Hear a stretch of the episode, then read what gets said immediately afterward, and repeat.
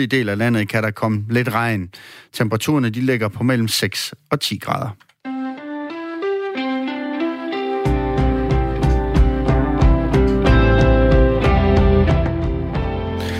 Jakob Grosen og Kasper Harbo er morgenværter her i Radio 4 morgen, og øhm, vi har lige fået legnet den sidste time op her. Vi kan lige så godt løbe den igennem for åben mikrofon, Jakob, så kan vi også selv finde ud af, hvad vi egentlig skal sende. Jeg ved så meget, at vi skal ombord i historien med øh, spiseforstyrrelser og selvskade om ikke ret lang tid.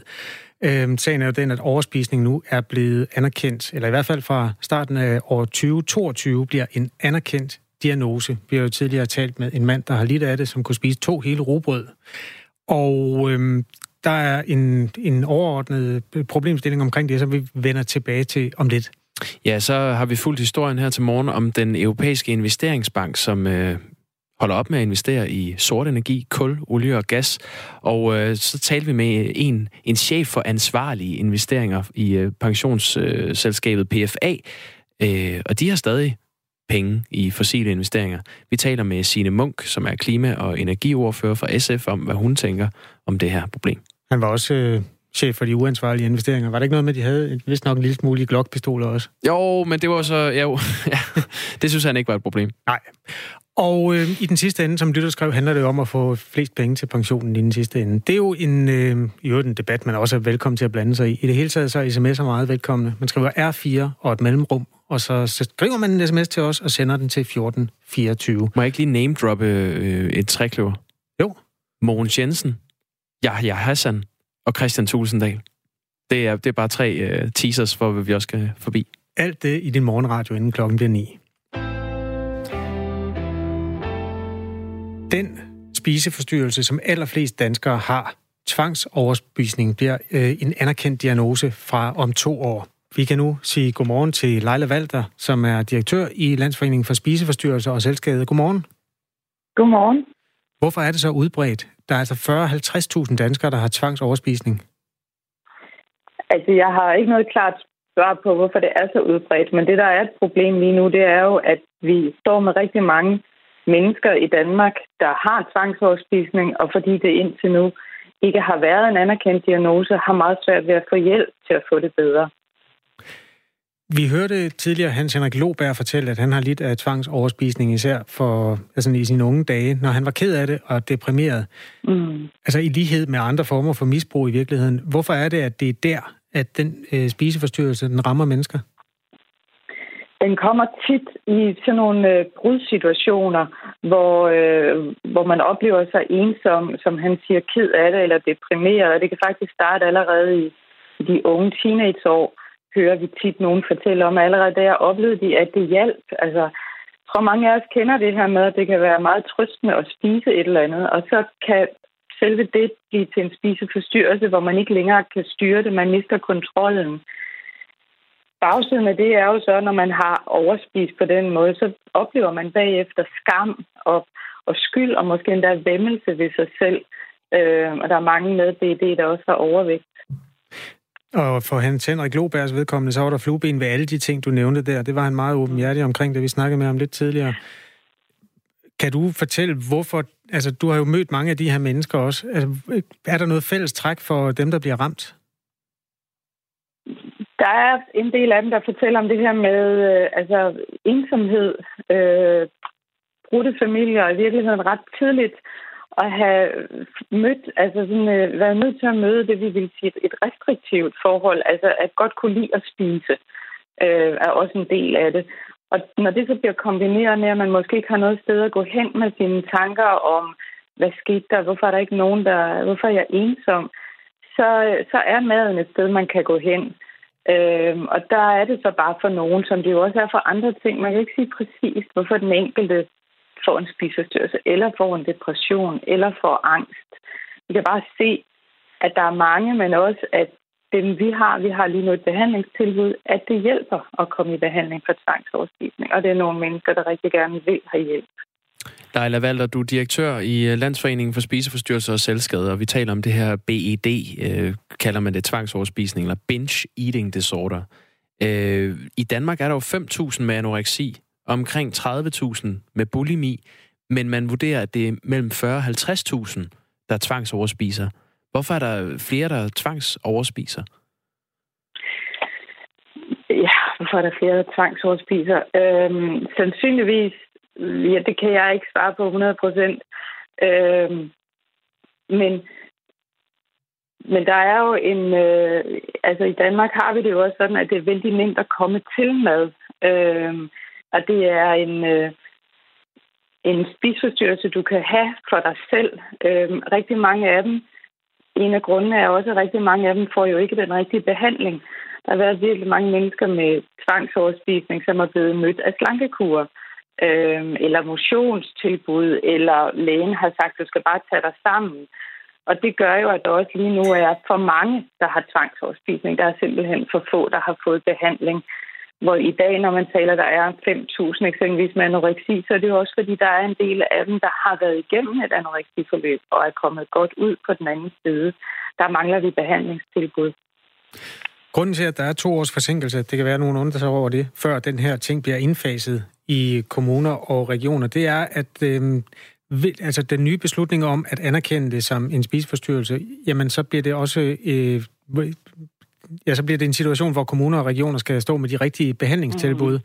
Hvilken forskel kommer det til at gøre for både for jeres forening og især for jeres medlemmer?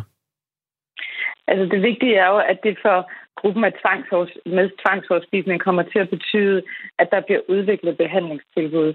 Der bliver lavet øh, en klar diagnoseliste. Når man går til egen læge, så bliver det nemmere for lægen at sige, at det her handler ikke om noget, der skal behandles som overvægt. Det handler om tvangsoverspisning. De vil vide præcis, om det er kommune eller region, de skal henvise den enkelte til.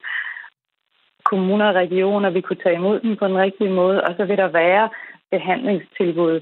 Øhm, så det er vigtigt for gruppen, der lider af tvangsoverspisning, at der kommer en diagnose. Så det er også vigtigt for det enkelte menneske.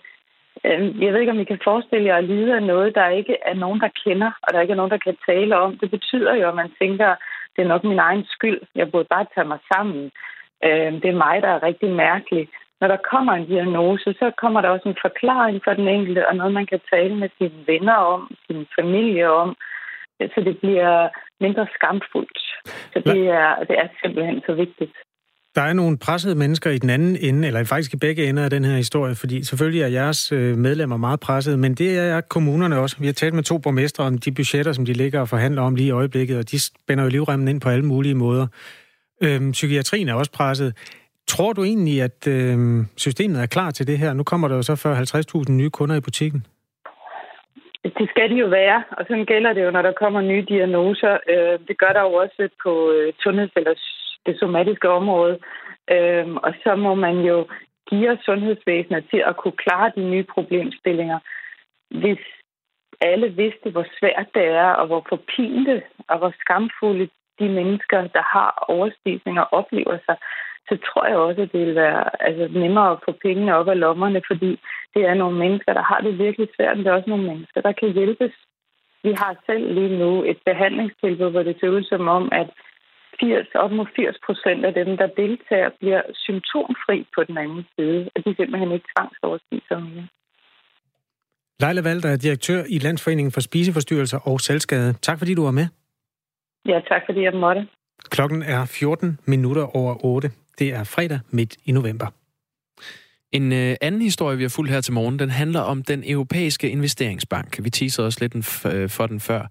Øh, den europæiske investeringsbank, den investerer i øh, projekter i Danmark og i de andre EU-lande, og den har i går besluttet, at fra udgangen af 2021, altså næste år, nej, næste år igen må det være, så skal det være slut med såkaldte sorte investeringer, det vil sige kul, olie og gas. Og så øh, har vi også talt med PFA, den danske pensionskasse. De har ingen planer om at opgive de her fossile øh, investeringer lige forløbig. De investerer altså stadig i, i sort energi og i våben som vi øh, spurgte dem om. Nu har vi øh, Signe Munk med, som er klima- og energiordfører for SF. Godmorgen. Godmorgen. Godmorgen. Hvis vi i Danmark gerne vil reducere vores CO2-udledning med 70 øh, procent i 2030. Øh, Giver det så mening, at danskernes pensionsformuer stadig investeres i fossile brændsler?